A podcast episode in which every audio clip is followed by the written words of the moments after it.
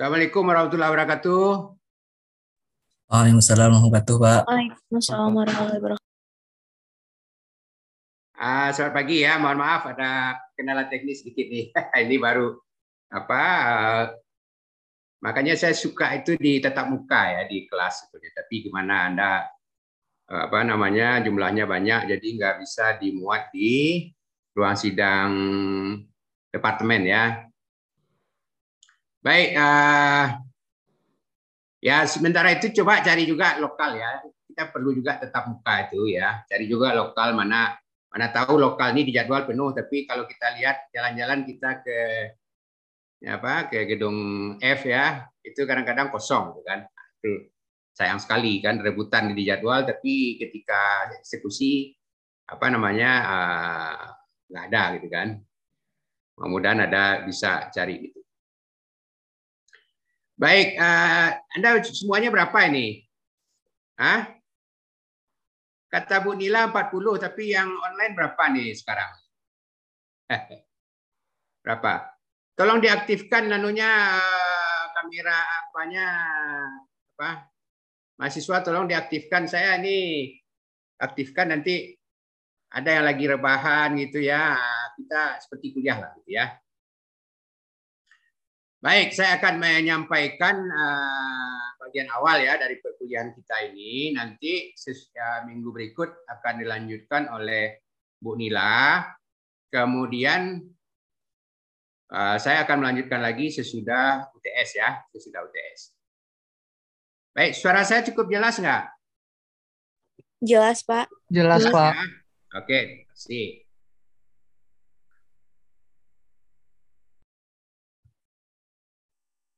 Baik, nah ini uh, dalam hal uh, kita lihat ya dalam hal pemanfaatan sumber daya alam, yang penting itu adalah dijaga keseimbangan ya. Keseimbangan apa? Keseimbangan di dalam uh, keberadaan fungsi sumber daya alam sebagai modal pertumbuhan ekonomi ya. Jadi sumber daya alam itu pertama pada satu sisi sebagai eh, sumber daya ekonomi atau resource based ekonomi.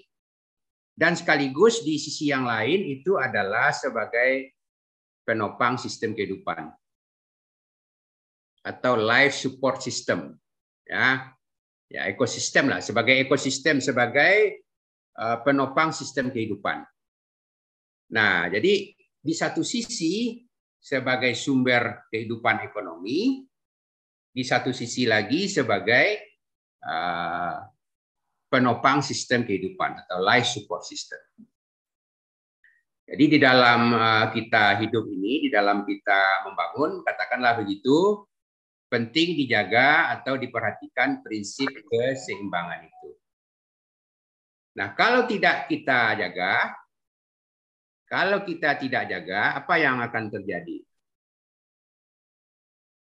Kalau misalnya kita ugal-ugalan ya, kalau kita ugal-ugalan mengeksploitasi sumber daya alam, mengambil sumber daya alam ini, lebih besar perhatian kita atau uh, semangat kita untuk uh, mengembangkan uh, ekonomi dengan berbasiskan sumber daya alam, ketimbang menjaganya itu untuk uh, life support system, apa yang terjadi kira-kira?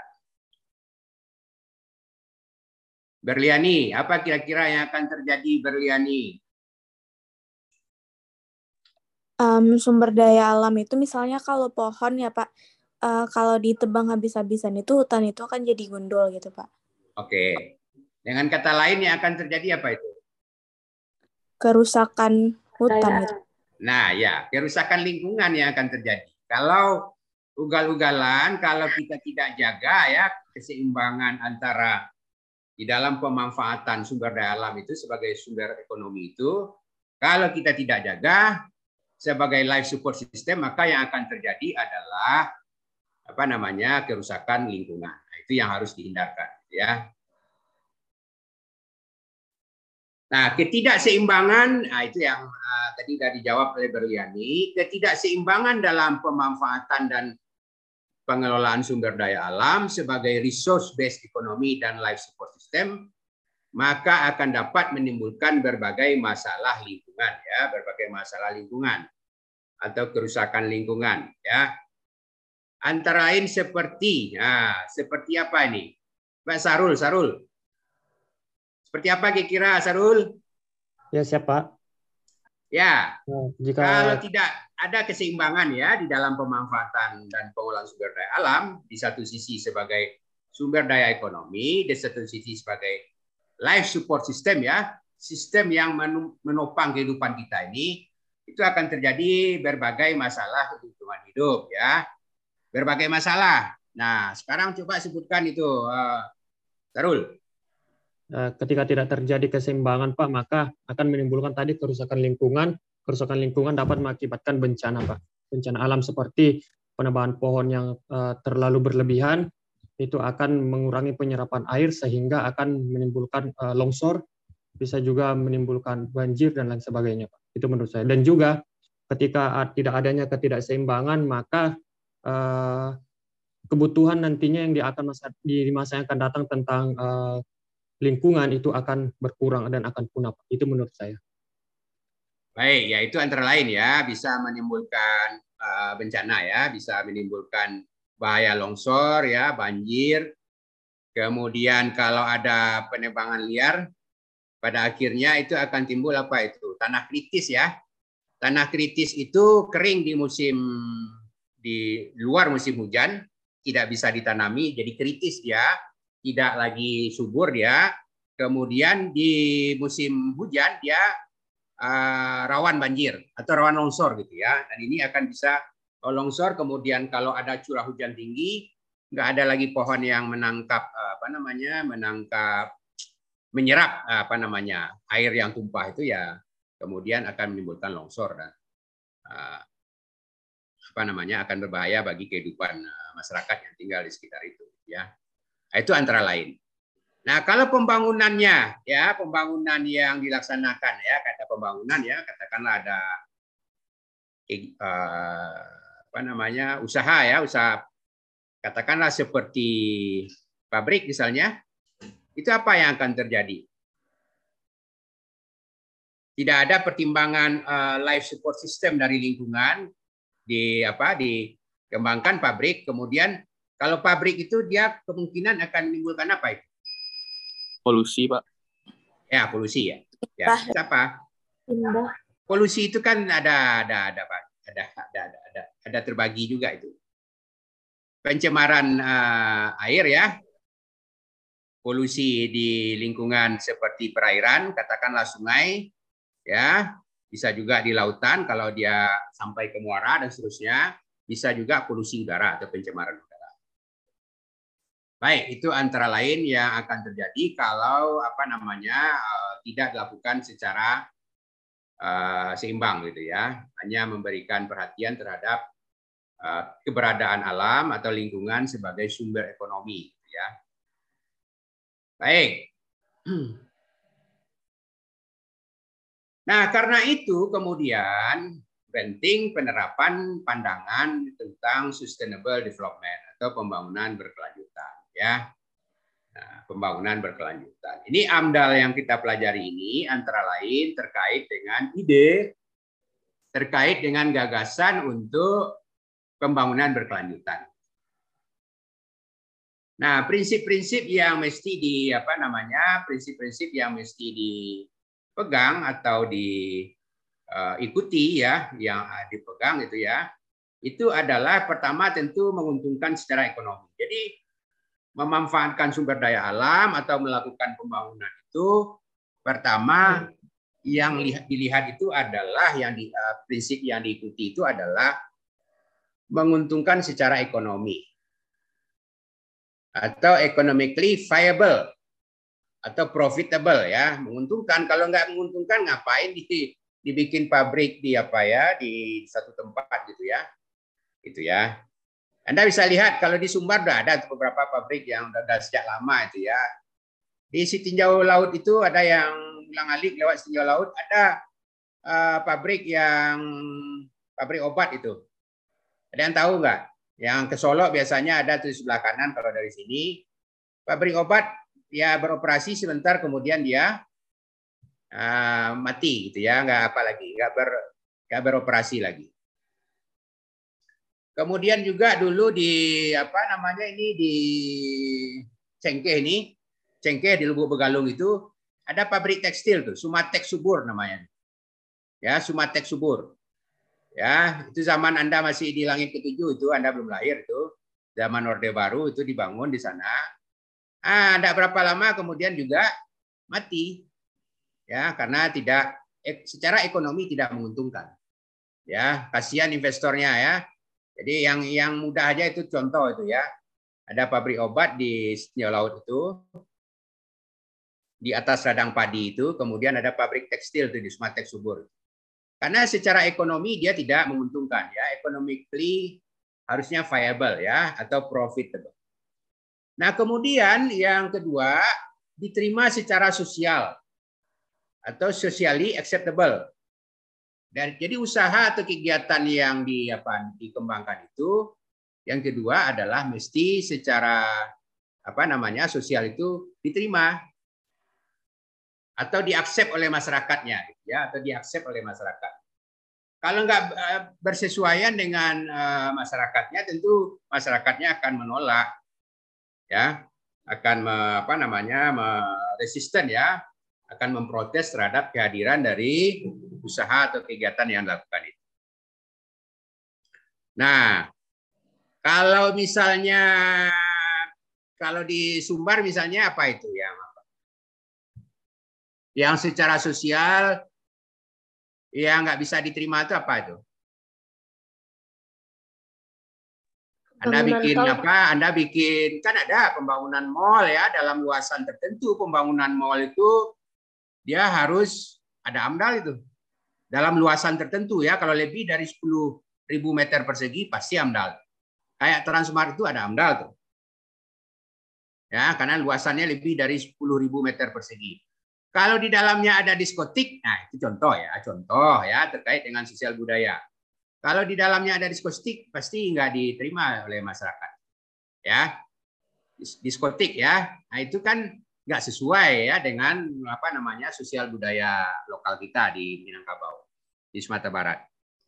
Nah, bisa juga perkebunan ya, perkebunan yang dikembangkan ya di satu wilayah, di satu daerah bisa juga ditolak kalau memang tidak sesuai dengan apa eh, aspirasi masyarakat lokal.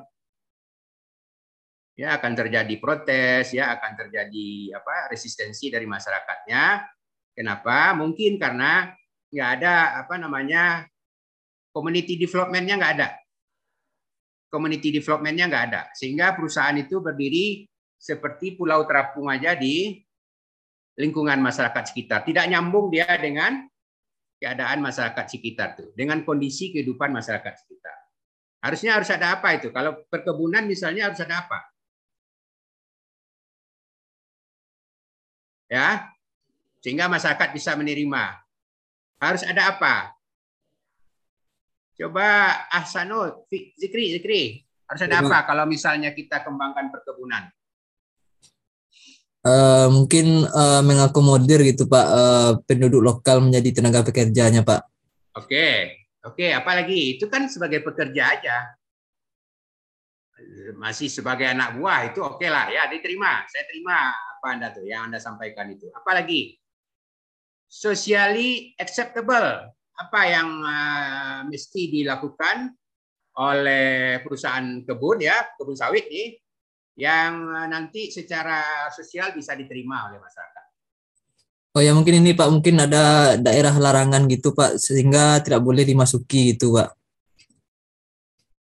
Nah itu kaitannya dengan uh, vegetasi dengan apa itu dengan vegetasi ya menyelamatkan tanaman atau uh, fauna ya hewan-hewan uh, tertentu itu mungkin ada bagian yang harus dicadangkan yang tidak bisa dibuka gitu ya kalau secara sosial apa?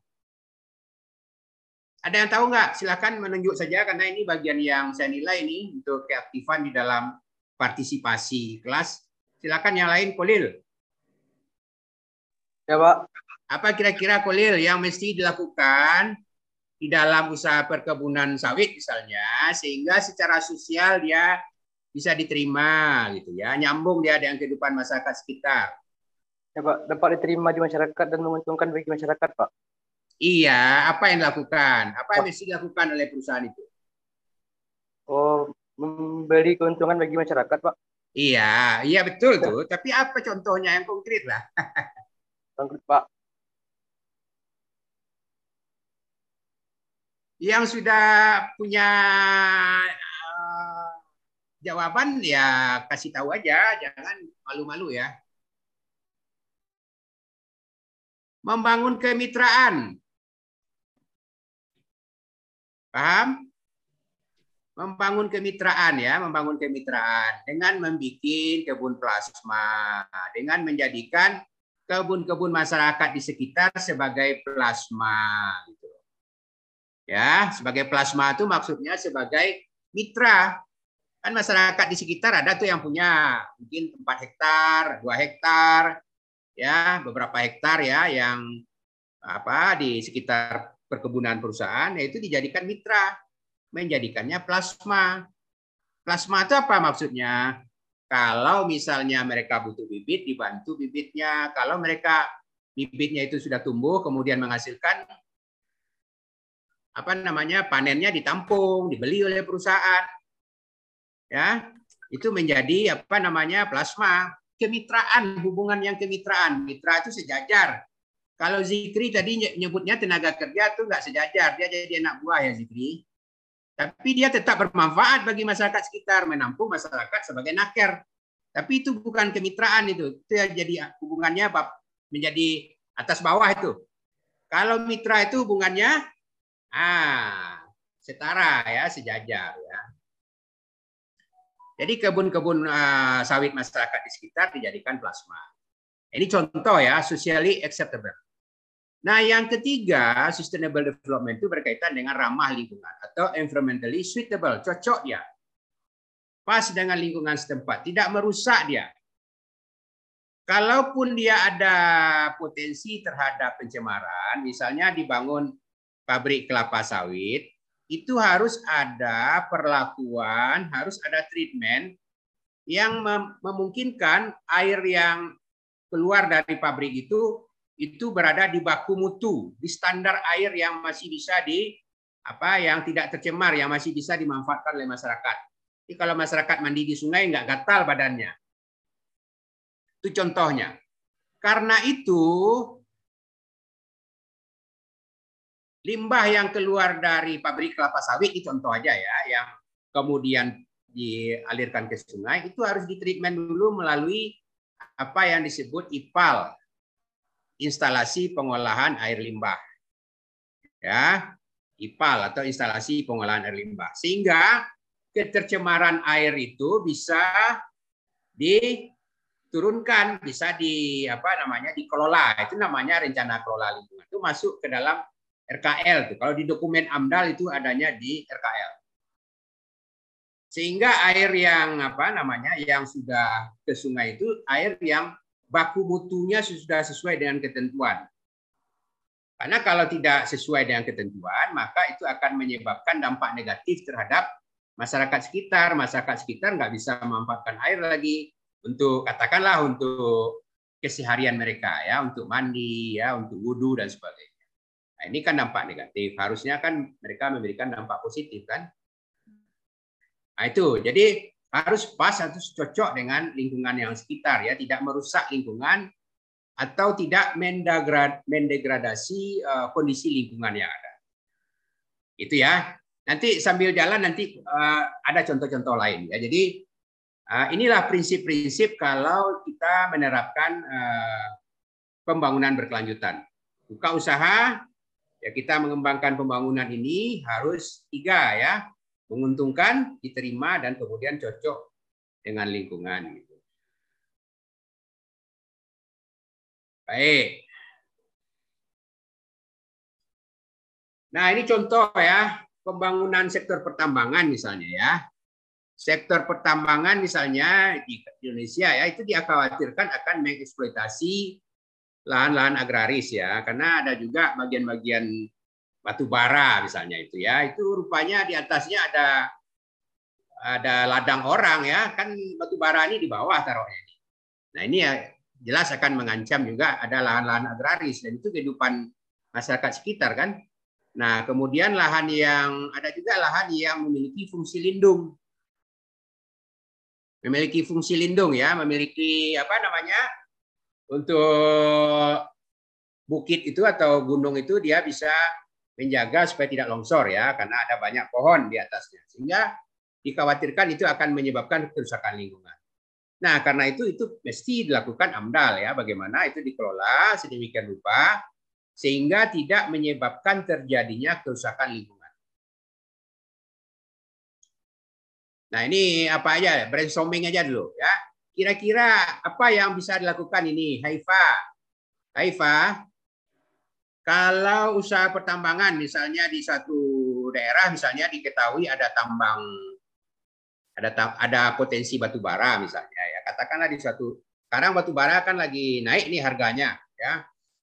Harga, harga batu bara secara internasional naik ya. Nah, katakanlah ada ditemukan di suatu wilayah batu bara gitu apa yang mesti dilakukan sehingga lingkungan tidak rusak gitu silakan Haifa coba di apa aja dulu Ya, Brainstorming Pak. secara imajinasi Anda aja dulu. Apa apa kira-kira Haifa?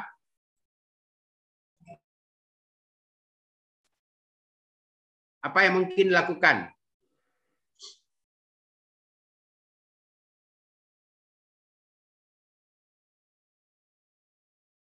Indah, indah. Apa kira-kira indah?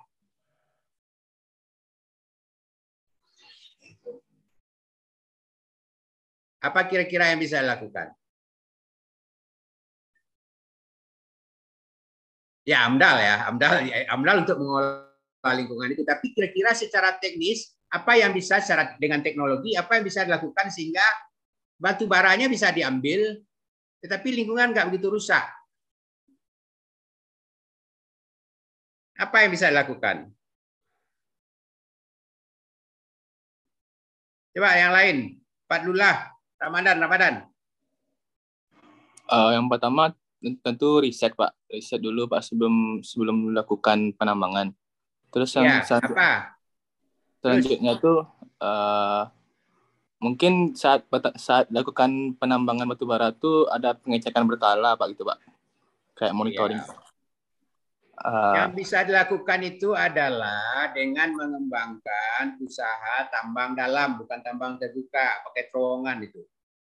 Di Solunto itu sebagian ada tambang terbuka, tambang yang membuka ya. Bentang alam itu dibuka gitu ya. Dikuras dengan ekskavator, itu kan merusak lingkungan. Ada juga yang pakai tambang dalam.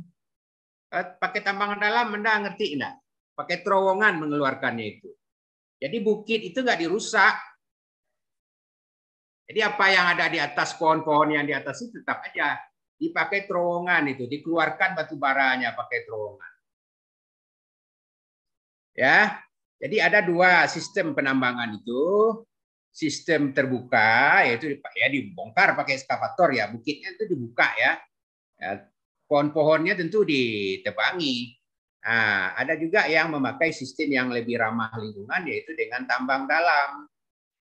Ya, dua-duanya ada di Solunto itu. Ya, tapi sekarang kan nggak ada lagi ya, Solunto udah habis batu baranya. Ada yang pakai tambang dalam, pakai terowongan, dikeluarkan batu baranya, kemudian ada yang pakai tambang terbuka. Jadi yang pakai tambang terbuka ini pasti uh, pasti akan lebih besar kemungkinannya merusak lingkungan. Walaupun kemudian direklamasi. Karena biaya biasanya reklamasi itu nggak nggak nggak nggak nggak seperti yang dulu gitu. Nggak mengembalikan ke bentuk awal gitu.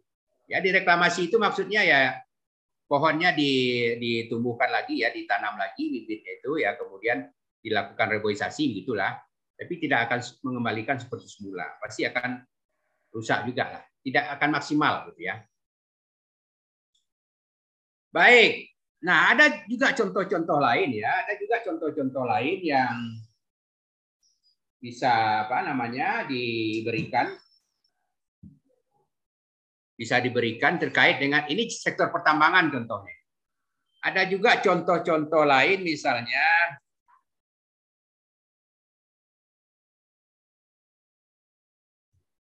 perikanan misalnya ya. Di perikanan itu misalnya adalah pembangunan tambak udang. Ya, pembangunan tambak udang. Ya.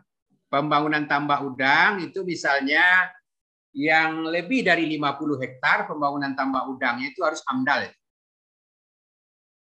Saya sangat senang kalau ada mahasiswa yang ambil mata kuliah sekarang ini mau meneliti itu yang apa namanya yang tambak-tambak udang yang ada yang tahu nggak tambak udang sekarang banyak di mana itu? Di Sumatera Barat nih. Ada yang tahu nggak? Diulakan bukan pak? Ah itu dia. Siapa yang jawab tadi itu? Diulakan ya. Arah kalau anda keluar dari arah BIM menuju Pariaman itu di sebelah kiri itu ya menjelang ulakan ya menjelang ulakan itu itu banyak tambak udang di sebelah kiri itu, arah ke pantai. Coba diteliti berapa yang punya AMDAL, berapa yang tidak. Ya. Nah, bagaimana masyarakat yang mengusahakan itu? Katakanlah investor yang mengusahakan itu supaya tidak AMDAL. Dia bikin aja 45 hektar. Dia lakukan aja apa budidayanya di bawah yang dipersyaratkan. Karena usaha pembangunan itu tidak semua juga itu harus AMDAL. Sebagian hanya dengan UKL UPL namanya. UKL UPL itu ya di bawah AMDAL lah derajatnya. Tidak kajiannya itu tidak sedalam AMDAL. Uh, prosesnya itu tidak seberat kalau dilakukan AMDAL. Ya, jadi dia lakukan aja uh, usahanya itu di bawah yang dipersyaratkan 45 hektar aja dia kelola atau dia kembangkan. Karena yang diwajibkan AMDAL harus uh, yang luasannya itu lebih dari 50 hektar baru wajib AMDAL. Ya, jadi usaha-usaha atau pembangunan yang dilakukan itu memang ada juga batasnya di mana yang perlu AMDAL. Nah, sekarang pertanyaannya kenapa itu harus AMDAL misalnya untuk 50 hektar ke atas tambah udang tuh. Coba coba lakukan aja imajinasi Anda. Anda kan sekarang saya tanya aja, Anda belum banyak baca mungkin ya, tapi coba diperkirakan aja apa kira-kira yang uh, penting dijaga itu. Kenapa tambak udang yang lebih 50 hektar itu harus apa namanya uh, diamdal?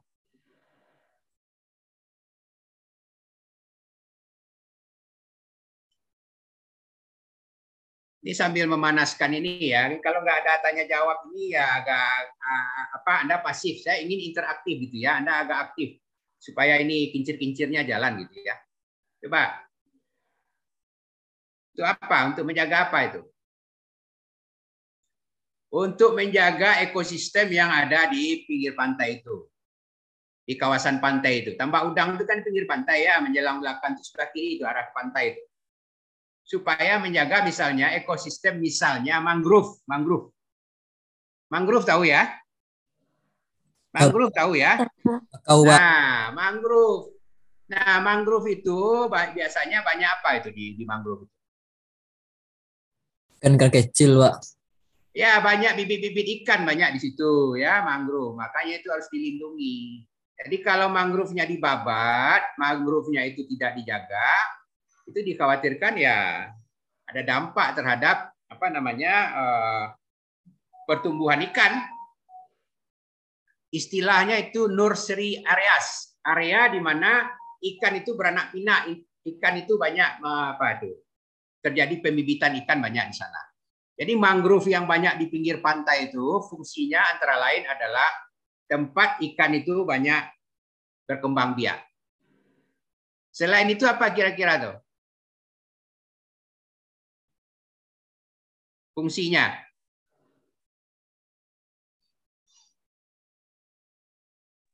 Menahan erupsi, Pak. Ah, itu Penahan abrasi. ya. Ya abrasi. Bukan erupsi ya, penahan abrasi. Abrasi itu pantai itu ya kalau tidak ada mangrove atau tidak ada pohon-pohon yang ada di sekitar itu pantai itu bisa digerus oleh ombak. Jadi mangrove itu antara lain menahan uh, abrasi atau kalau ada tsunami itu juga menahan uh, laju tsunami. Paham ya? Itu contoh lain. Contoh lain. Ya banyak nih yang akan menjadi contoh untuk uh, adanya AMDAL ini. Nah, pembangunan rumah sakit misalnya. Pembangunan rumah sakit itu kelas A dan B, rumah sakit kelas A dan B itu harus AMDAL. Nah, sekarang saya tanya Anda, kira-kira kenapa rumah sakit itu harus ada AMDAL? Eh, limbah dari rumah sakit itu kan bisa berdampak kepada lingkungan, Pak. Kan Ya, ya, agak keras dikit. Louder please, louder. Uh, limbah rumah sakit itu kan lebih uh, berbahaya daripada limbah pabrik, Pak. Soalnya itu bahan kimia semua, Pak. Ah, ya, bukan bahan kimia aja, penyakit. ya. Jadi limbah cair rumah sakit itu banyak mengandung uh, penyakit maupun cairan kimia ya dari obat-obat dan sebagainya dari buangan obat, sisa obat dan sebagainya. Jadi ini berkaitan dengan limbah cair lah. Ya, jadi makanya semua rumah sakit itu kelas A dan B lah ya. Kelas A dan B itu pengembangan rumah sakit, pembangunan rumah sakit itu harus AMDAL. Saya ada itu di ruang kerja saya itu banyak itu apa dokumen-dokumen contoh-contoh dokumen yang berkaitan dengan berbagai macam pembangunan ya. Pembangunan yang uh, itu kajiannya kajian AMDAL. Nanti uh, sesudah UTS masih masih nanti akan ada kelompok itu mengkaji itu. Saya akan langsung contoh Anda mengkaji dokumen itu, membahas dokumen itu. Nanti dibagi kelompok ya. Sehingga dengan demikian nanti langsung mengerti dengan bagaimana uh, kira-kira ya. Anda tidak akan uh, uh, apa kalau Anda ingin uh, dapat sertifikat Anda harus kursus AMDAL minimal mengetahui lah ya secara lebih apa namanya walaupun tidak dalam Anda mengetahui bagaimana uh, dokumen itu sebetulnya gitu ya. Jadi terkait dengan rumah sakit misalnya itu berkaitan dengan limbah cair ya. Utamanya berkaitan dengan limbah cair. Ya. Selain itu biasanya kalau Anda rumah sakit itu berkaitan dengan apa itu? Oke, limbah cair. Apalagi? Yang paling sering Anda amati sekitar rumah sakit itu apa?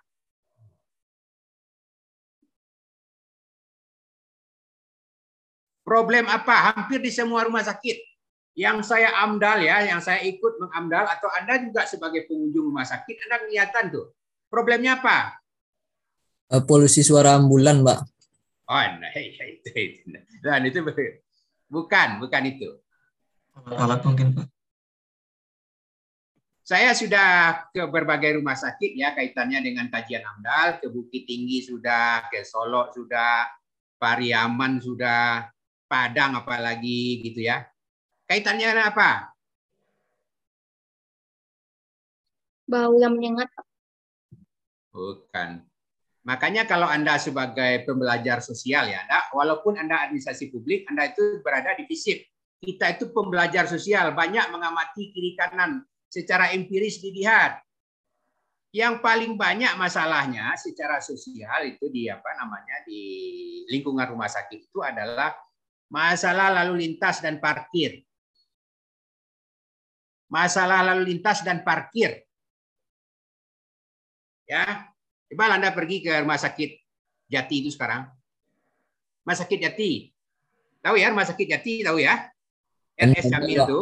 Ya, nah, itu apa itu? Cobalah keluar masuk rumah sakit itu. Oh, macet, ribet gitu ya. Parkir repot. Ya. Nah, ini, nah ini ini ada ada andalnya sendiri nih. Ya. Andal lalin namanya. Andal analisis dampak lingkungan lalu lintas itu koordinasinya dengan Diskup itu ya dengan Dinas Perhubungan tapi kajiannya itu diinsert, diinsert, diintegrasikan ke diinsert, diintegrasikan ke kajian AMDAL ini. Itu andalnya khusus tuh, andal sendiri itu. Dihitung jumlah kendaraan keluar masuk, teknis perparkirannya kayak apa, ya. Itu makanya rumah sakit itu biasanya pintunya dua itu. Ada pintu masuk, ada pintu keluar. Ya, kenapa? Apalagi ada ambulan keluar masuk nanti kan itu makanya harus ada uh, kajian amdal yang khusus ya terkait dengan itu namanya andal lalin.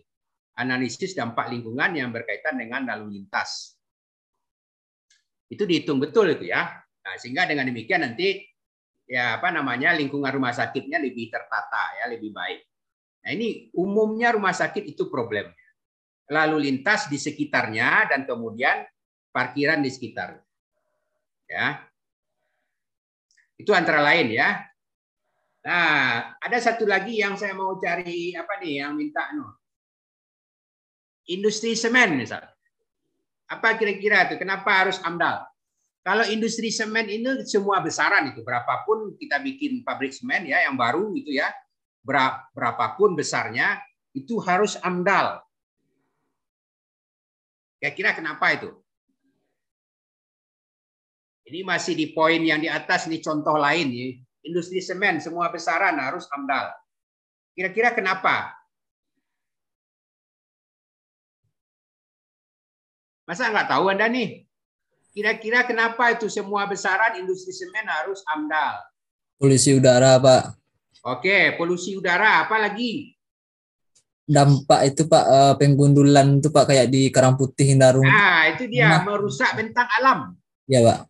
Karena dia harus di tanah clay-nya itu, tanah apa, karang putihnya itu ya, tanah yang akan bisa diolah menjadi semen itu, tanah kapur itu, itu kan di, di apa itu, diledakkan ya peledakan itu kemudian tanah yang dibongkar itu yang diledakkan itu itu wajib amdal. Ya. Pertama dengan merusak bentang alam. Yang kedua dengan risiko bagi masyarakat di sekitar. Banyak itu. Kalau apa ini pabrik semen ini lebih banyak ah, alasan-alasan ilmiah yang menjadikannya eh, kenapa dia wajib amdal. Oke ya, nah, itu beberapa contoh ini banyak ya yang bisa di apa sebetulnya. Nah, apabila dampak-dampak yang ditimbulkan tersebut tidak diantisipasi ya, diantisipasi tidak diperkirakan sebelumnya, kemudian dikelola secara optimal, maka itu dikhawatirkan akan menjadi unsur pembangunan sosial ekonomi yang mengabaikan kemampuan ekosistem sehingga akan terjadi kerusakan lingkungan ya. Di ekosistem itu tidak mampu lagi menampung ya kerusakan yang terjadi. Itu akan mengakibatkan kerusakan lingkungan yang akan berakibat kepada kehidupan manusia ya di sekitarnya, kehidupan manusia ya, kepada kehidupan uh, masyarakat yang ada di lingkungan tersebut. Nah, itulah makanya setiap rencana atau usaha yang diperkirakan mempunyai dampak penting ya terhadap lingkungan wajib dilengkapi dengan analisis mengenai dampak lingkungan atau AMDAL ya. Jadi itu yang menjadi yang saya terangkan sebelumnya itu menjadi alasan ya sehingga penting dilakukan AMDAL. Karena proses pembangunan itu akan menyebabkan kemungkinannya memang dua ya, ada yang positif, ada yang negatif. Nah, AMDAL itu menjadikan yang positif menjadi maksimal, menjadi lebih lagi, yang negatif menjadi minimal. Atau kalau bisa tidak ada dampak negatif, kan? Jadi uh, tujuan AMDAL itu adalah untuk menjamin bahwa pertimbangan lingkungan dan kepentingan pembangunan sosial ekonomi masyarakat lokal bisa dimasukkan kalau ditambang ya di pertambangan bisa masuk di pra eksploitasi sebelum ditambang kemudian pada saat eksploitasi, pada saat tambang, kemudian pada pasca eksploitasi. Itu kan? Kalau misalnya pembangunan pabrik, mungkin semen atau pabrik kelapa sawit, saya pakai istilah apa itu? Kita pakai istilah apa? Pra-eksploitasi juga kah? Eksploitasi? Pasca eksploitasi? Apa istilahnya? Kalau pembangunan yang seperti itu pakai istilah prakonstruksi, konstruksi, dan pasca konstruksi. Oke ya. Jangan pakai juga pakai istilah eksploitasi. Kita pakai istilah eksploitasi kalau pembangunannya sektor pertambangan. Kalau pembangunannya misalnya pembangunan dermaga misalnya konstruksi ya. Pasca konstruksi, prakonstruksi ya.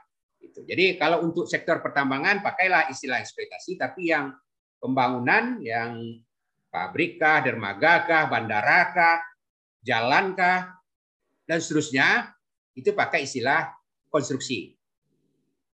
Di prakonstruksi, kemudian konstruksi, kemudian pasca konstruksi. Kan? Kalau pasca prakonstruksi apa itu kira-kira? Nanti saya jelaskan nanti ya secara lebih detail. Sekarang untuk pengetahuan dasar aja dulu. Prakonstruksi itu kegiatan apa itu kira-kira? Pembebasan lahan, Pak. Pembebasan lahan. Siapa yang jawab tadi itu? Yona, Pak. Yona ya, pembebasan lahan itu prakonstruksi. Bagaimana misalnya sekarang ya jalan tol itu itu konstruksinya jalan juga tapi prakonstruksinya jalan juga karena masih banyak juga eh, apa namanya lahan yang belum dibebaskan. Pembebasan lahan itu terkait dengan prakonstruksi. Nah, itu juga harus diantisipasi itu dampaknya. Karena akan ada kemungkinan uh, protes masyarakat terkait dengan ganti rugi lahan misalnya ya kalau tidak memuaskan atau tidak sesuai dengan uh, apa namanya uh, harga yang wajar gitu ya. Kalau tahap konstruksi apa itu kira-kira? Apa yang terbayang uh, oleh Anda itu? Kalau tahap konstruksi dampak yang terbayang dalam pikiran Anda apa itu? Kalau misalnya orang bangun mall misalnya itu kayak Transmart dulu dibangun ya di di Jalan Katib Sulaiman itu. Izin Pak kayak lalu lintas gitu Pak yang uh, mobil. Ya, ya, kan ada dampak lalu lintasnya. Kemudian apa lagi? Ya coba imajinasi itu penting. Kalau saya di sosiologi istilahnya imajinasi sosiologis. Keadaan empiris itu dibayangkan. Ya, sangat baik kalau itu sesuatu yang pernah Anda lihat sendiri. Gitu ya. Kalau orang membangun itu, apa yang Anda bayangkan itu? Alat beratnya terjadi. Ya, cobalah agak anu sedikit. Gimana nih? Terjadi polusi suara, Pak. Polusi suara. Ya, oleh apa? Oleh apa? Polusi suara oleh apa? Benar, Anda jawaban Anda benar. Coba menalar lah. Oleh... Jangan jawaban pendek-pendek itu. Oleh alat-alat berat yang digunakan. Oke, oleh alat-alat pembangunan itu. Misalnya waktu apa namanya ini tiang pancangnya ya. Tiang pancangnya itu dibangun itu. Itu itu kan ada alat yang me, me, me, menumbuk. Kemudian limbah apa bukan limbah ya, pencemaran udara, kemudian pencemaran apa di daerah sekitar karena ini tumpahan apa nih tanah sebagainya ya itu karena ada mobil yang keluar masuk ya, truk yang keluar masuk. Ya ada truk yang keluar masuk itu yang membawa material ya atau mengeluarkan material. Kan ada kalau dia bangun basement kalau dia bangun basement itu dia mengeluarkan apa itu?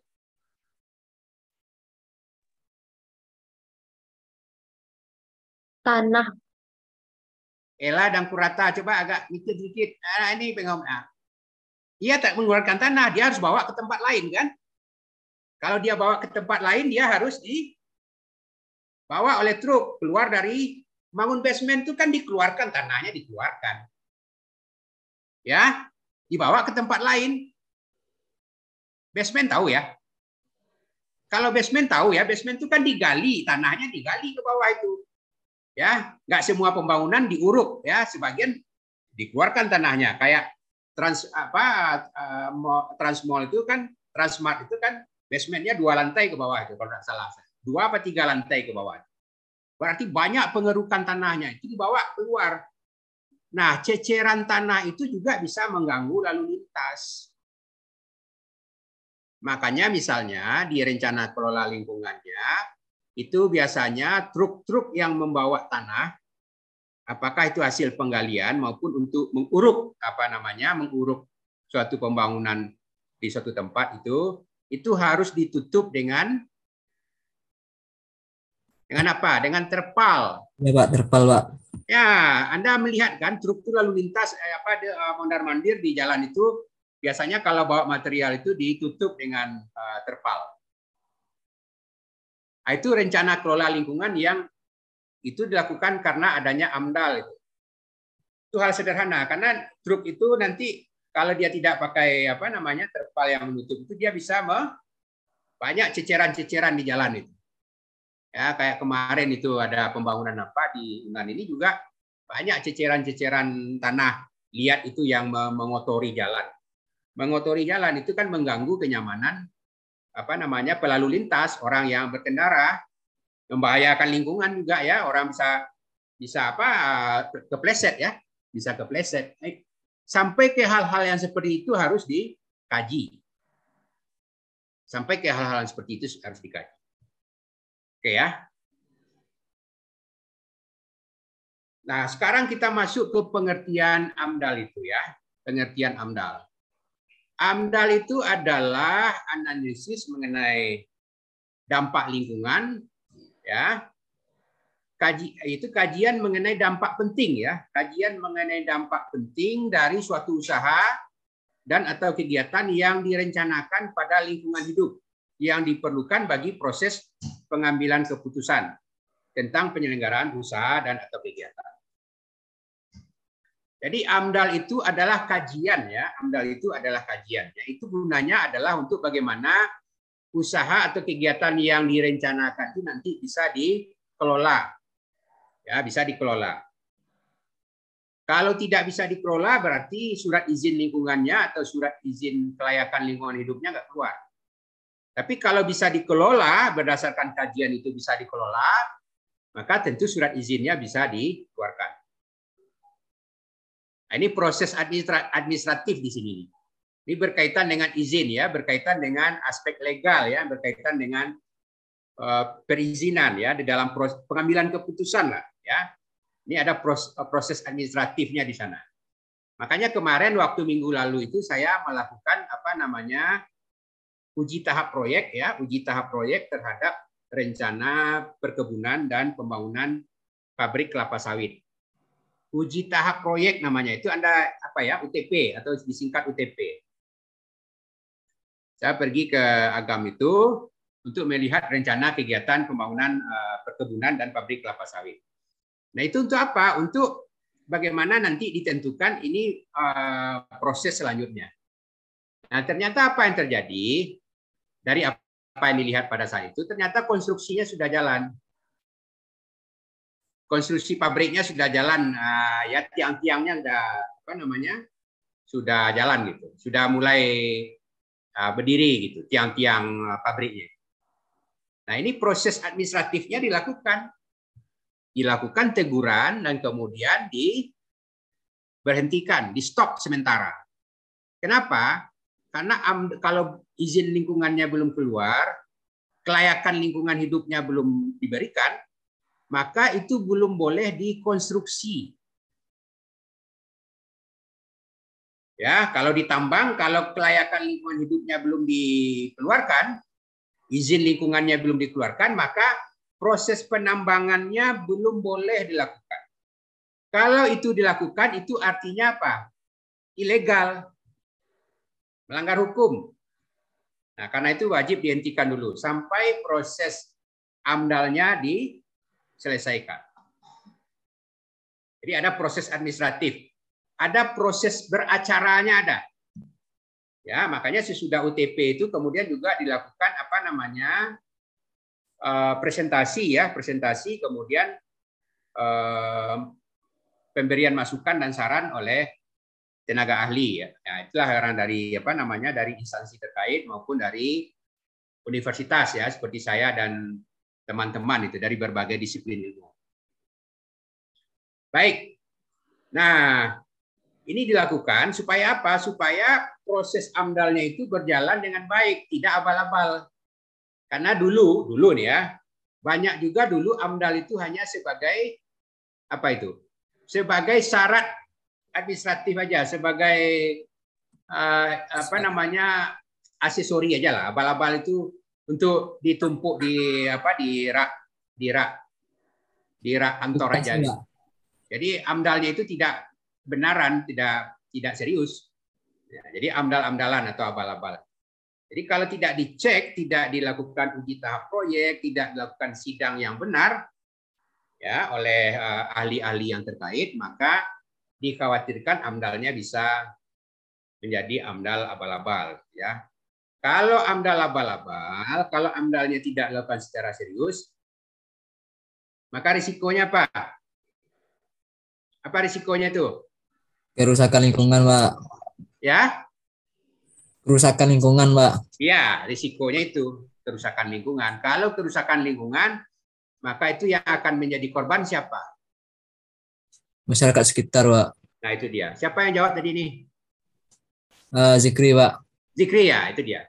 Logika berpikirnya seperti itu ya Zikri. Kalau tidak dilakukan amdalnya secara benar, secara serius, maka akan terjadi risiko kerusakan lingkungan. Kalau terjadi kerusakan lingkungan, yang akan menjadi korban yang pertama adalah masyarakat sekitar. Ya, makanya itu penting. Baik.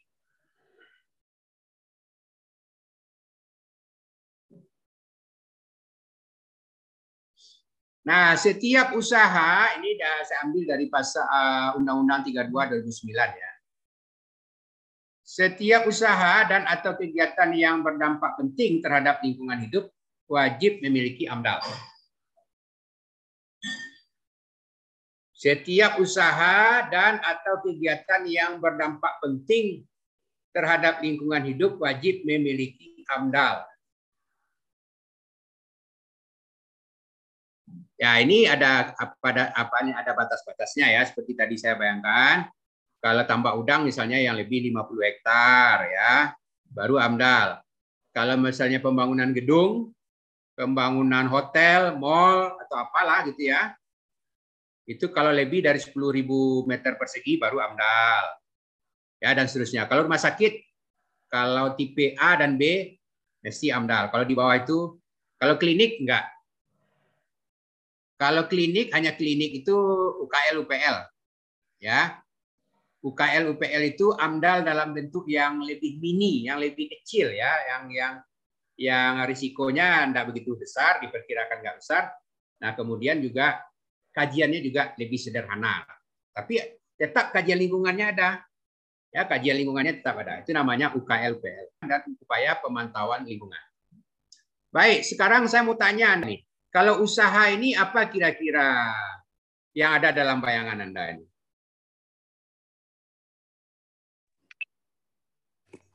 Ternak ayam, Pak. Hah? Eh, peternakan ayam gitu, Pak. Ah ya, kalau peternakan ayam biasanya UKL UPL ya, itu UKL UPL ya. Ya, peternakan ayam oke lah. Usaha itu misalnya seperti perkebunan tadi, tambak udang, ya, pabrik itu usaha. Ya, kalau dikaitkan dengan kegiatan itu kira-kira apa itu?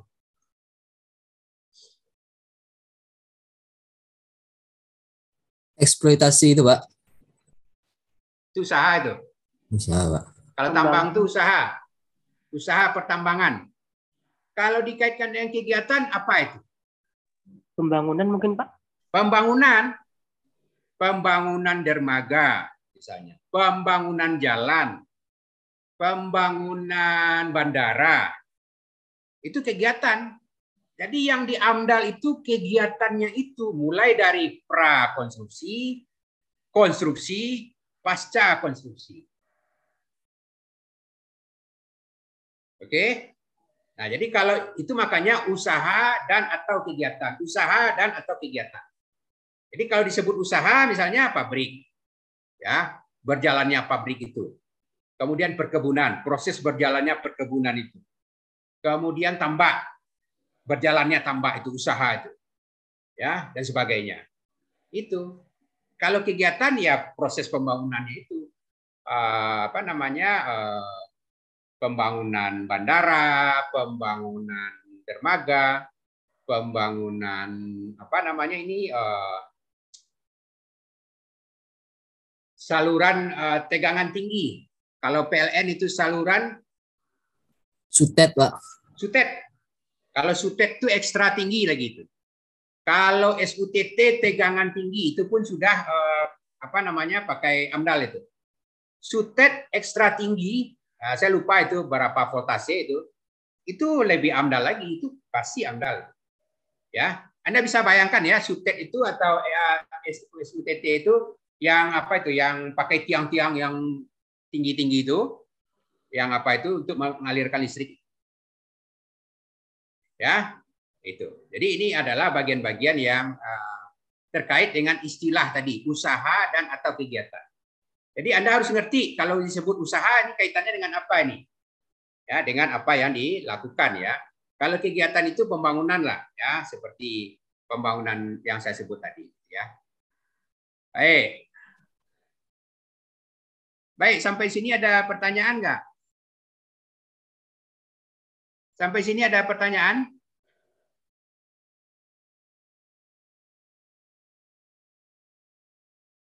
Ada ya? Kalau nggak ada, saya lanjut. Nah, ini kriteria dampak pentingnya.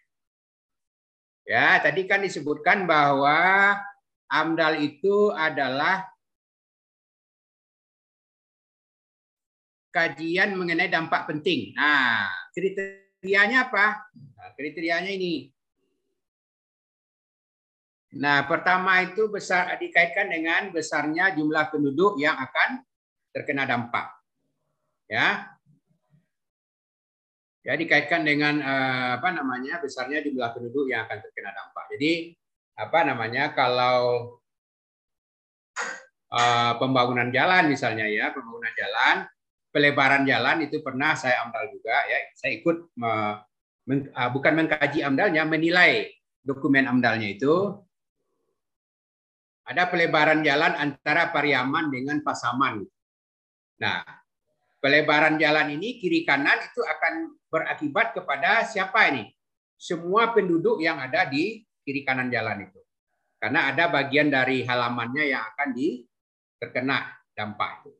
Yang pertama. Yang kedua, ketika konstruksi itu akan ada seperti yang tadi Anda sebutkan itu akan ada polusi udara, debu ya, kemudian juga kebisingan ya, polusi suara, dan kemudian juga gangguan dari apa namanya lalu lintas ya. Ada biasanya kalau bangun jalan itu kan ada buka tutup buka tutup tuh. Ada yang di di stop dulu ada yang kemudian di mengalir apanya uh, uh, arus kendaraannya dan di stop gantian gitu kan nah semua penduduk yang ada di sekitar itu akan me, akan terkena dampak kiri kanan itu makanya ini menjadi bagian yang kriteria yang dikaitkan dengan dampak penting. Itu contoh ya.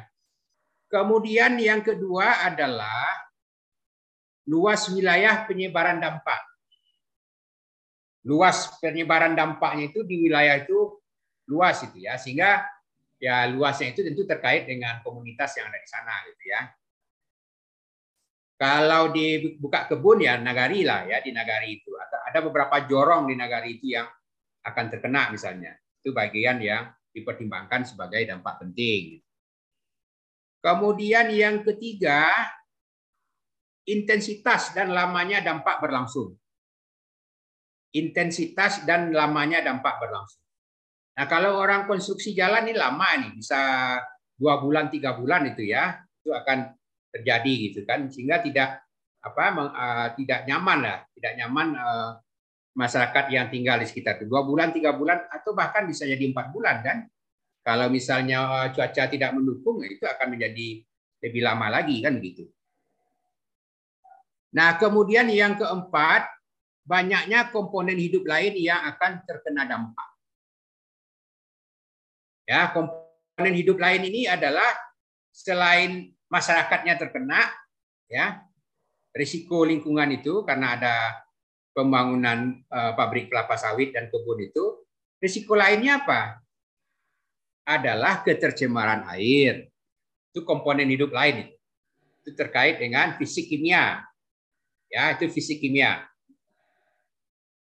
Di apa di kuliah yang lalu saya kan sudah jelaskan bahwa komponen yang penting di dalam AMDAL itu utamanya ada tiga ya nanti ada kecil-kecilnya ada itu yang pertama itu adalah fisik kimia kayak apa bentangan alam, kemudian eh, perairan ya, sungai atau perairan lah, bisa danau, bisa laut. Nah, yang kedua adalah yang berkaitan dengan biologi.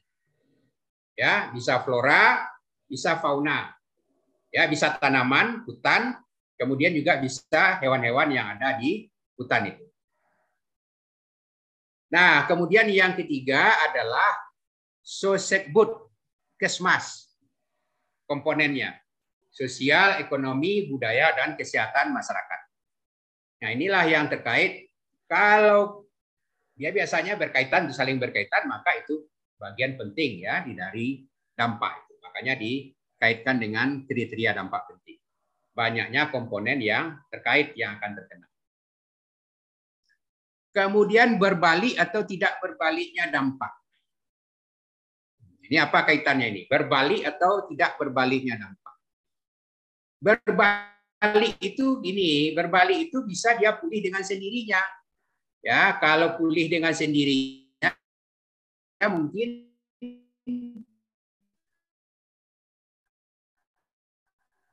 agak lama. Ya, makanya perlu dilakukan intervensi di sana. Pernah reklamasi, itu yang namanya reklamasi. Reklamasi misalnya dari tambang terbuka tadi, kalau sudah dibuka ya, reklamasi itu dilakukan pembukaan lahan ya, karena mau ditambang itu batu baranya. Nah, sesudah itu kan dia balik kepada kondisi awalnya tidak secepat kalau diambil atau dibongkar. Karena itu perlu ada intervensi, ada kelola atau ada apa namanya treatment ya, ada tindakan yang harus dilakukan. Perlu dilakukan reklamasi supaya bisa tumbuh lagi lebih cepat apa namanya itu lingkungannya itu pohon-pohon itu. Nah, reklamasi itu apa artinya itu? Marceli apa artinya itu? Marceli.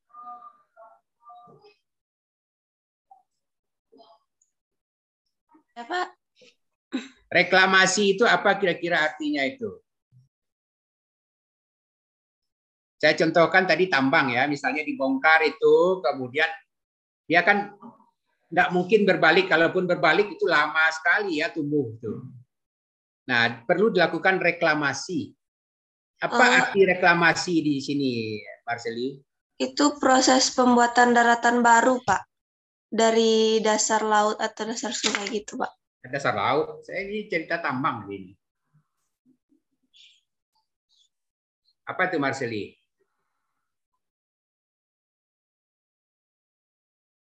Yona, Yona, silakan Yona. Eh, kalau ditambang berarti menutupi bekas tambangnya, Pak. Biar nggak ada. Terdengar, Pak? Ya, apa? Menutupi bekas tambangnya, Pak. Ya, itu artinya apa reklamasi itu? Eh, mem- Proses pemulihan kembali lahannya. Jadi lahan itu dipulihkan kembali. Ya, melalui apa?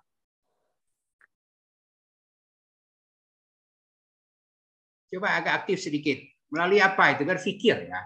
Di jalanan kinci-kinci itu sekitar. Kalau lahannya dipulihkan kembali, itu artinya apa? Menanam kembali, Pak. Ya, menanam kembali pohon-pohonnya itu, bibitnya ditanam kembali. Istilah lainnya revegetasi. Nggak direboisasi, Pak. Ya, boleh. Reboisasi itu kalau udah gundul ya, ya oke, oke. Boleh. Reboisasi atau revegetasi dibangun kembali, di- ditanam kembali itu pohon-pohonnya itu. Ya seperti semula kalau dulu ada pohon jengkol ya ada juga pohon jengkol lagi di sana. Kalau dulu di sana ada pohon durian, harus ada juga pohon durian lagi di sana. Makanya itu disebut revegetasi. Sesuai dengan keanekaragaman hayati yang dulu ada di sana. Itu konsep lingkungan ya, tolong dicatat itu keanekaragaman hayati. Jadi pohonnya ya jangan seragam juga ya. Jangan ditanam sawit lagi di sana ya. Jangan monokultur. Kalau di sana ada pohon apa aja sebutlah. Nah, tanam lagi pohon seperti semula. Makanya perlu ada intervensi melalui rencana kelola lingkungan. Ya. Nah, lebih penting lagi kalau tidak berbalik. Nah, ini tidak berbalik. Kondisinya tidak akan balik lagi, rusak atau akan berubah sama sekali. Nah, ini penting lebih penting lagi. Ya, makanya perlu ada AMDAL. Tidak akan ada lagi itu, itu. Akan berubah sama sekali, tidak berbalik. Itu kan. Berbalik tapi lambat itu pun mesti AMDAL. Baik, yang berikutnya adalah kriteria lain sesuai perkembangan ilmu pengetahuan dan teknologi ya. Jadi kalau ada hal-hal baru yang dirasa penting ya, nah maka itu pasti dilakukan uh, AMDAL ya terkait dengan kriteria dampak penting. Dikhawatirkanlah ada yang baru yang akan mempengaruhi kepada lingkungan hidup ya, masyarakat sekitar, kemudian juga kepada uh, katakanlah uh, lingkungan yang ada di sana, maka pasti uh, dilakukan AMDAL gitu ya.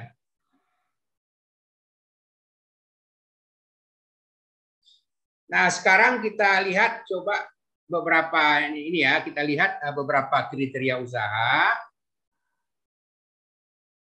dan atau kegiatan yang berdampak penting yang wajib dilengkapi dengan AMDAL antara lain nih. Nah, itu usaha dan atau kegiatan yang pertama yang mengubah bentuk lahan dan bentang alam.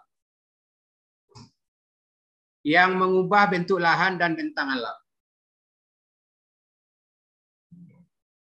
Makanya industri semen itu semuanya semua besaran mesti AMDAL. Karena dia kena nih mengubah bentuk lahan dan bentang alam. Benar nggak? Benar ya? Pak. Nah, itu karena dia membuka itu. Anda kalau Anda dari kampus menoleh ke arah Indarung itu kelihatan itu. Mengubah bentuk lahan dan bentang alam kan? Itu akan kelihatan ada bukit karang putih di sana itu terkelupas ya itu sejak tahun berapa itu? Sejak zaman Belanda itu ah, itu sudah kelihatan itu. Sudah mulai dibongkar ya diledakkan nah itulah terjadi. Yang kedua eksploitasi sumber daya alam baik yang terbarukan maupun yang tidak terbarukan. Eksploitasi sumber daya alam baik yang terbarukan maupun yang tidak terbarukan Coba kasih contoh Septin. Kasih contoh Septin. Kira-kira apa yang kena nih Septin? Eksploitasi sumber daya alam baik yang terbarukan maupun yang tidak terbarukan. Coba kasih contoh. Baik yang terbarukan maupun yang tidak terbarukan.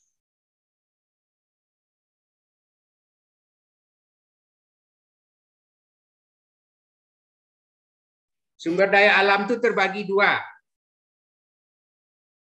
Ada yang renewable, terbarukan.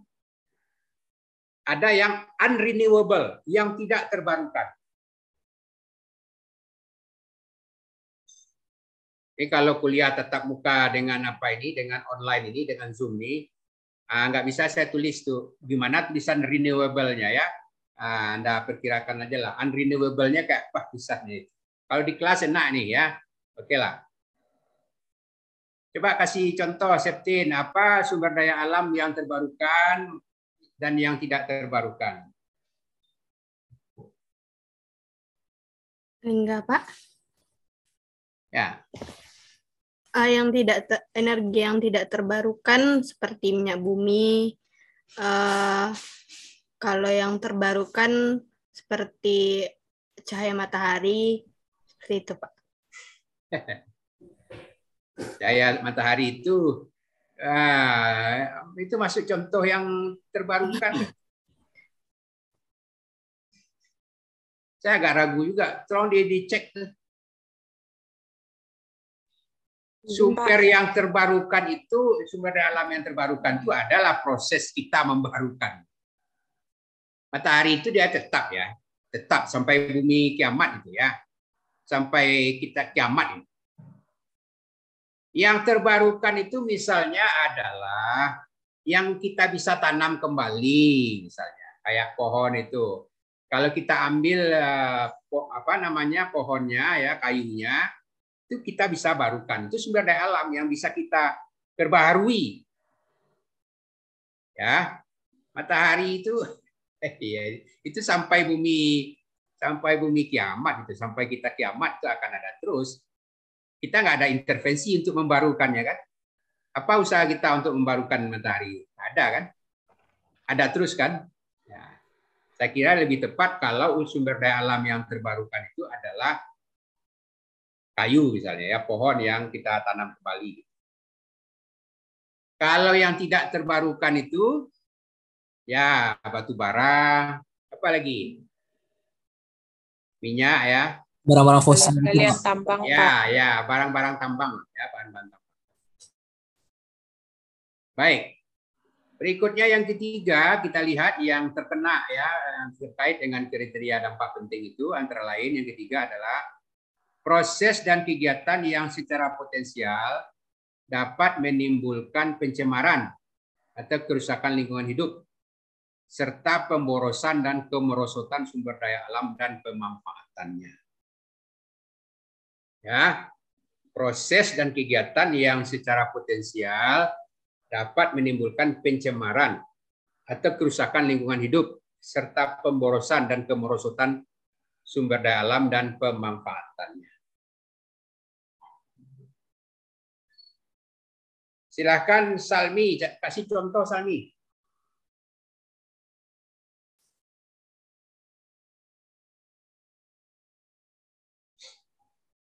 Eh, contoh apa, Pak? Tadi putus-putus, Pak. Agak keras dikit. Eh, contoh apa ya, Pak? Tadi soalnya putus-putus di sini, Pak. Ya, baca yang titik yang ketiga itu. Ini kalau Zoom tuh banyak alasan tuh. Putus-putus Pak, suaranya Pak ya. Ah, oleh. Coba lah yang ketiga nih, yang ketiga nih, proses dan kegiatan yang secara potensial dapat menimbulkan pencemaran,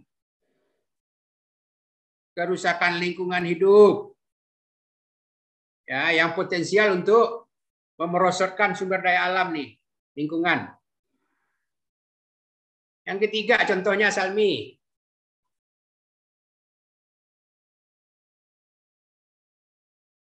Mulai putus-putus.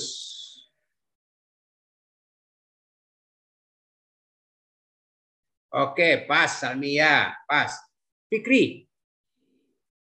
Apa contohnya kira-kira Fikri? Ya Pak, eh, menurut saya eh, contohnya itu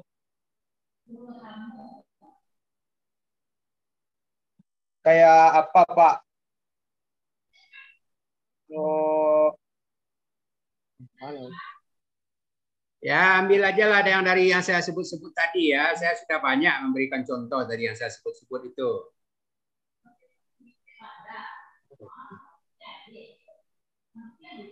Eh, proses eh, apa semen tadi Pak yang merupakan polusi udara. Ya. Dari apa polusi udara dari apa? Dari eh, tambang pengambilan semen tadi Pak. Ah, polusi udara dari tambang. Bukan, polusi udara dari pabrik. Ya Pak. Ya, contoh ya, contoh. Kalau Anda pergi ke bypass tuh dari arah Lubuk Begalung, arah ke Teluk Bayur, itu banyak pabrik apa tuh kiri kanan tuh? Beri karet, Pak. Karet, apa lagi? Semen, Pak. Nah, yang dari arah Lubuk Begalung ke Teluk Bayur ada pabrik karet, ada pabrik pengolahan CPO. Minyak. Ya, minyak ya. Gitu, Pak. Minyak Iya. goreng ya. Iya. Ada CPO diolah jadi minyak goreng. Dan pabrik yang lain-lain itu. Itu limbahnya ke mana itu? Ke sungai yang ada di dekat sana. Ya, akibatnya apa? Terjadi kemerosotan sungai ya sebagai sumber daya alam di lingkungan itu. Apa yang terjadi? Masyarakat di sekitar sana tidak bisa lagi memanfaatkan keberadaan sungai itu untuk kehidupan sehari-hari. Nggak bisa lagi. Ya, yang selama ini mandi di sungai, gatal dia. Ya, nggak layak lagi untuk di kayak zaman dulu sebelum ada pabrik, ah, anak-anak suka mandi di sana. Ya, mereka ah, menikmati ya keberadaan sungai itu. Sekarang sungai itu nggak bisa dinikmati lagi keberadaan. Kenapa? Karena sudah tercemar. Nah, ini yang kemerosotan dari apa namanya keberadaan sungai sebagai sumber daya alam. Kenapa? Karena sudah ada pabrik-pabrik di sana, deretan pabrik di sana yang ke sungai di situ. Yang ujung-ujungnya apa itu? Batang arau kan? Batang arau itu, batang arau di muara itu. Nah itulah yang banyak menyebabkan terjadinya kemerosotan sumber daya. Ini limbah cair ya, limbah cair. Jadi ini yang harus diantisipasi melalui adanya kajian AMDAL itu ya.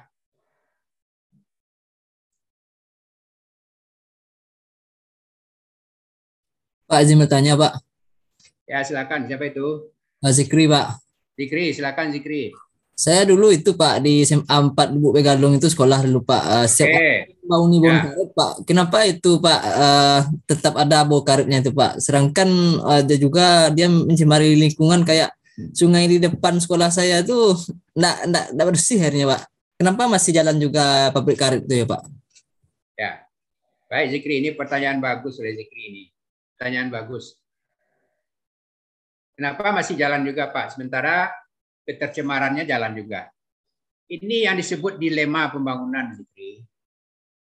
Ini yang disebut dengan dilema pembangunan. Ya, dilema pembangunan itu kita butuh uh, industri. Ya, industri dalam bentuk pabrik-pabrik itu butuh untuk apa? Ya butuh hasilnya, ada karetnya ya untuk devisa ya untuk pendapatan negara, kemudian butuh minyak gorengnya, pengolahan CPO dan sebagainya. Butuh untuk memberi kesempatan kerja, ya itu ekonomi kan. Nah, di satu sisi dilema pembangunan itu kita tarik menarik ini antara kepentingan ekonomi di satu sisi dengan kepentingan lingkungan di sisi lain. Makanya apa namanya eh, ada AMDAL. AMDAL mensyaratkan kemudian yang terkait dengan pencemaran eh, air itu ada baku mutu. COD BOD-nya perlu dijaga. COD itu yang berkaitan dengan chemical, kimia. BOD itu yang berkaitan dengan biologinya. Ya. Nah, kemudian Anda itu Anda carilah itu ya apanya ya eh, panjangannya di apa ya. Di Anda browsing lah nanti ya. Itu harus dijaga. Ada baku mutunya. Nah, itulah tugas dari pemerintah untuk melakukan apa namanya? pengawasan, melakukan pengawasan. Bentar ya, ini udah mulai uh, baterai sudah low nih. Sebentar.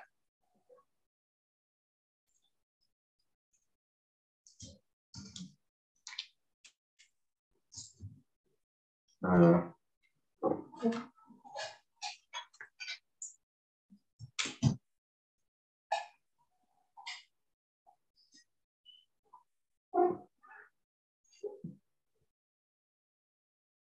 ada pengawasan dari pemerintah.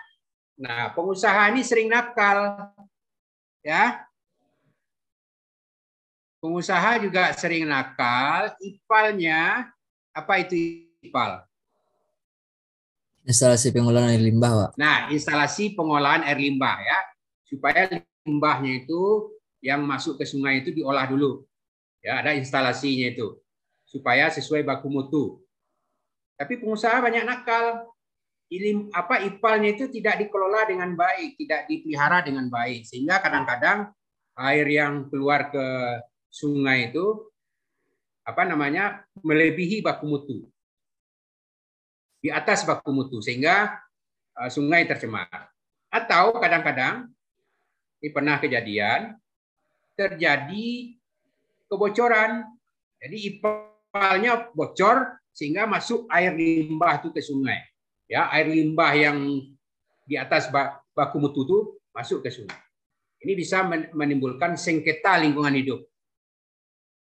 Ya, saya pernah juga masuk di dalam tim yang menyelesaikan sengketa lingkungan hidup di mana ada pabrik kelapa sawit yang ipalnya bocor kemudian me, mengalir air limbahnya itu ke sungai yang yang di atas baku mutu itu yang yang yang merusak itu. Nah itu diklaim oleh masyarakat menjadi sengketa lingkungan hidup. Masyarakat minta ganti rugi. Kenapa masyarakat minta ganti rugi? Karena banyak ikan-ikan larangan mereka. Kan masyarakat itu biasanya bikin apa itu? Ikan larangan ya bikin tempat di mana mereka mengembangkan apa peternakan ikan ya perikanan itu. Nah dipakai apa tuh? Tambak biasanya pakai apa itu? Istilahnya itu karamba karamba ya di sungai itu. Itu menyebabkan ikannya mati diminta ganti rugi sama perusahaan. Turun tim dari pemerintah provinsi itu menyelesaikannya itu ya karena masyarakat bisa apa ya apa bisa melakukan aksi yang destruktif ya. Mereka protes kemudian perusahaan tidak menanggapi secara serius. Nah masyarakat protes. Nah akhirnya menjadi sengketa lingkungan hidup masuk pengaduan ke dinas lingkungan hidup Sumbar dan kemudian diselesaikan. Perusahaan wajib mengganti. Perusahaan wajib mengganti apa yang eh, yang apa yang menjadi korban dari apa eh, ekonomi masyarakat itu. Nah, itu dia. Jadi ini menjadi dilema pembangunan. Jadi satu sisi ada apa namanya ada kebutuhan untuk ekonomi, di satu sisi ada kebutuhan untuk uh, lingkungan ya, menjaga lingkungan. Pengusaha sering nakal, nah pengawasan juga sering lemah. Pengawasan dari instansi terkait ya sering lemah. Kadang-kadang aja ada LSM yang agak vokal ya, memberikan apa namanya eh, memberitakan atau memberikan kritik terhadap keberadaan dari pabrik-pabrik tertentu yang melanggar lingkungan itu.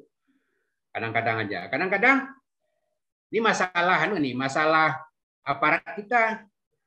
Kadang-kadang pengawasan juga ada, tetapi imannya lemah.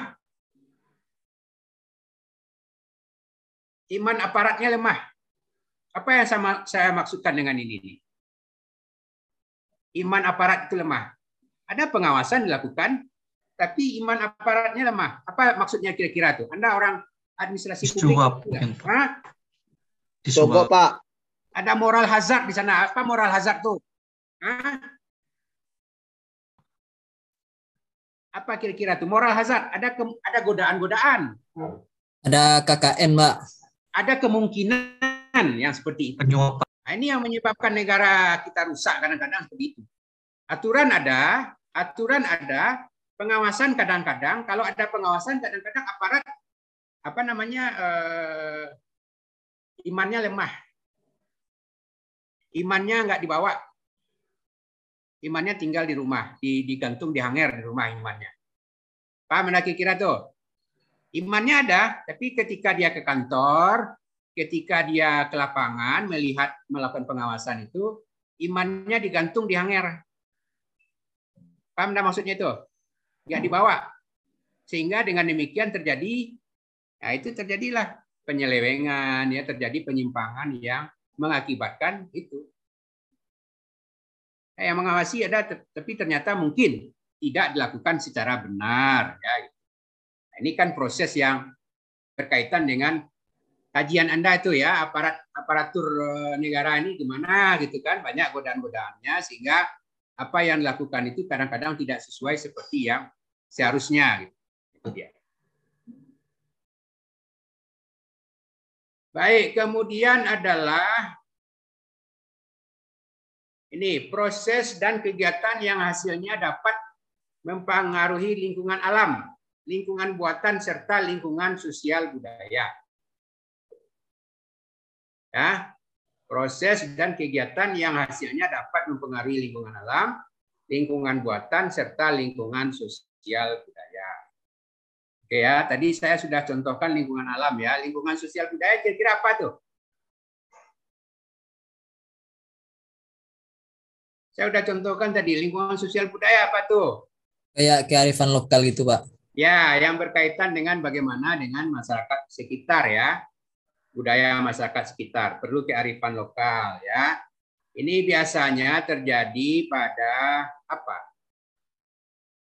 Tadi saya beri contoh untuk misalnya membangun diskotik. Nah, di Padang ya, tidak cocok. Oke. Ada yang bisa memberi contoh lain? Kayak Alfamart itu, Pak, dilarang, Pak. Ah, ya, oke lah. Alfamart tidak sesuai dengan anu ya, dengan oke lah. Walaupun ya apa ya, alasannya melindungi orang orang lokal ya. Ada contoh lain?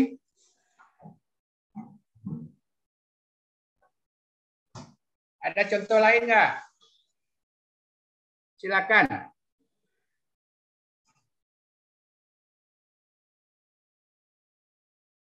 pembangunan jalan tol tuh Pak.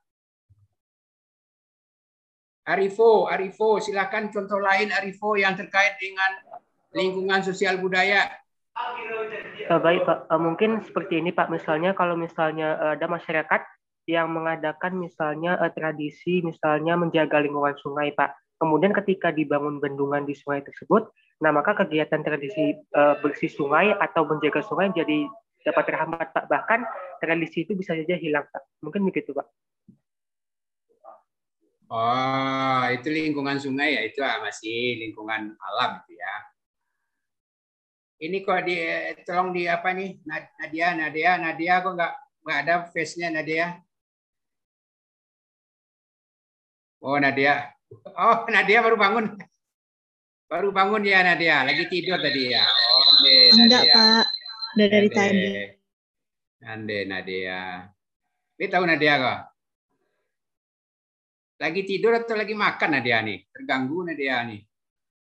Nah, Enggak ada ngapa-ngapain, masih Pak. pakai daster Nadia ya. Ini yang saya tidak paling saya tidak suka nih dengan kuliah Zoom nih kayak gini nih. Saya pakai batik nih Nadia. Pakai batik nih saya ke kampus, nah, sengaja Zoom, tetap Zoom pakai batik saya. Nggak pakai kaos saya. Apa Nadia?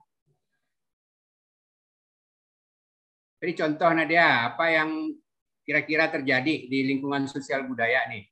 Kenapa masuk kriteria dampak penting? Karena ada kegiatan yang terkait dengan lingkungan sosial budaya. Coba kasih contoh. Saya cari yang lain yang yang enggak mengaktifkan apanya, yang mungkin masih pakai daster. Putri, Putri. Putri. Oh, ada, ada. Oh, ada pakai jilbab putih. Linda pakai daster. Oh, Pak. Enggak, Pak. Silakan Putri, kasih contoh Putri. Mulyani, tolong hidupkan anunya.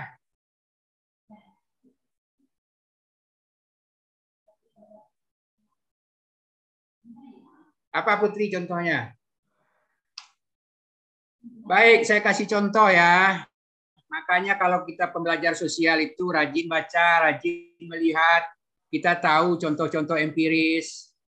Jadi bukan menghafal ini ya, ini perlu juga Anda ingat, Anda hafal, tapi kemampuan memberi contoh itu penting.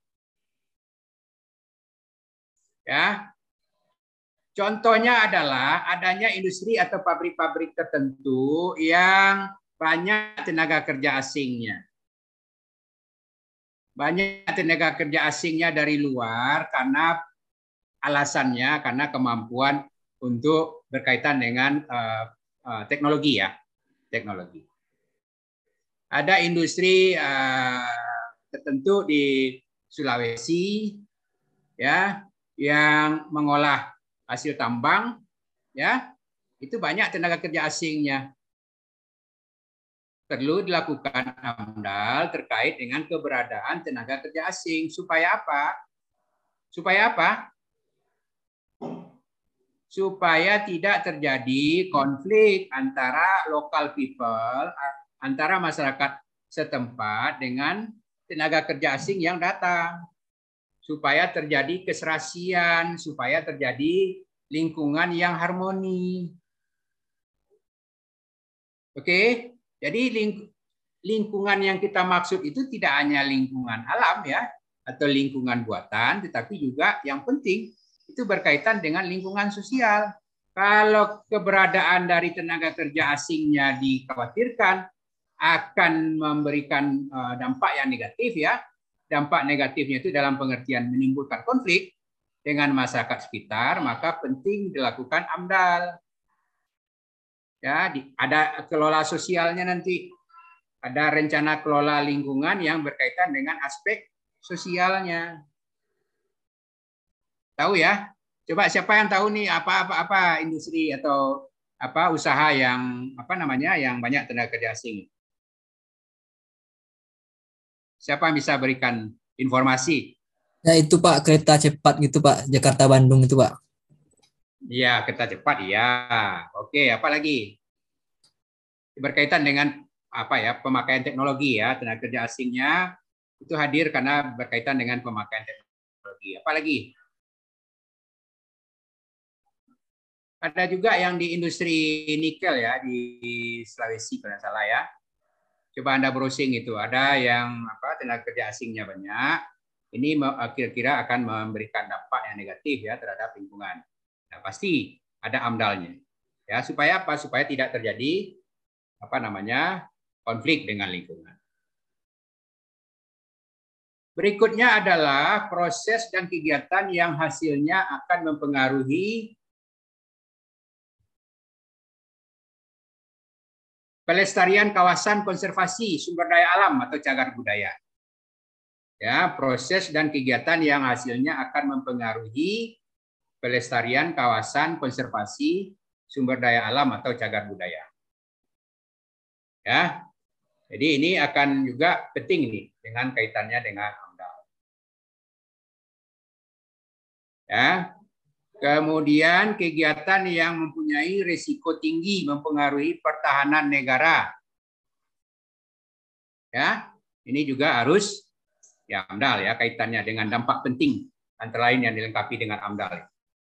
Ya, kegiatan yang mempunyai risiko tinggi garis miring mempengaruhi pertahanan negara. Baik, ada pertanyaan yang lain? Ini bertanya Pak.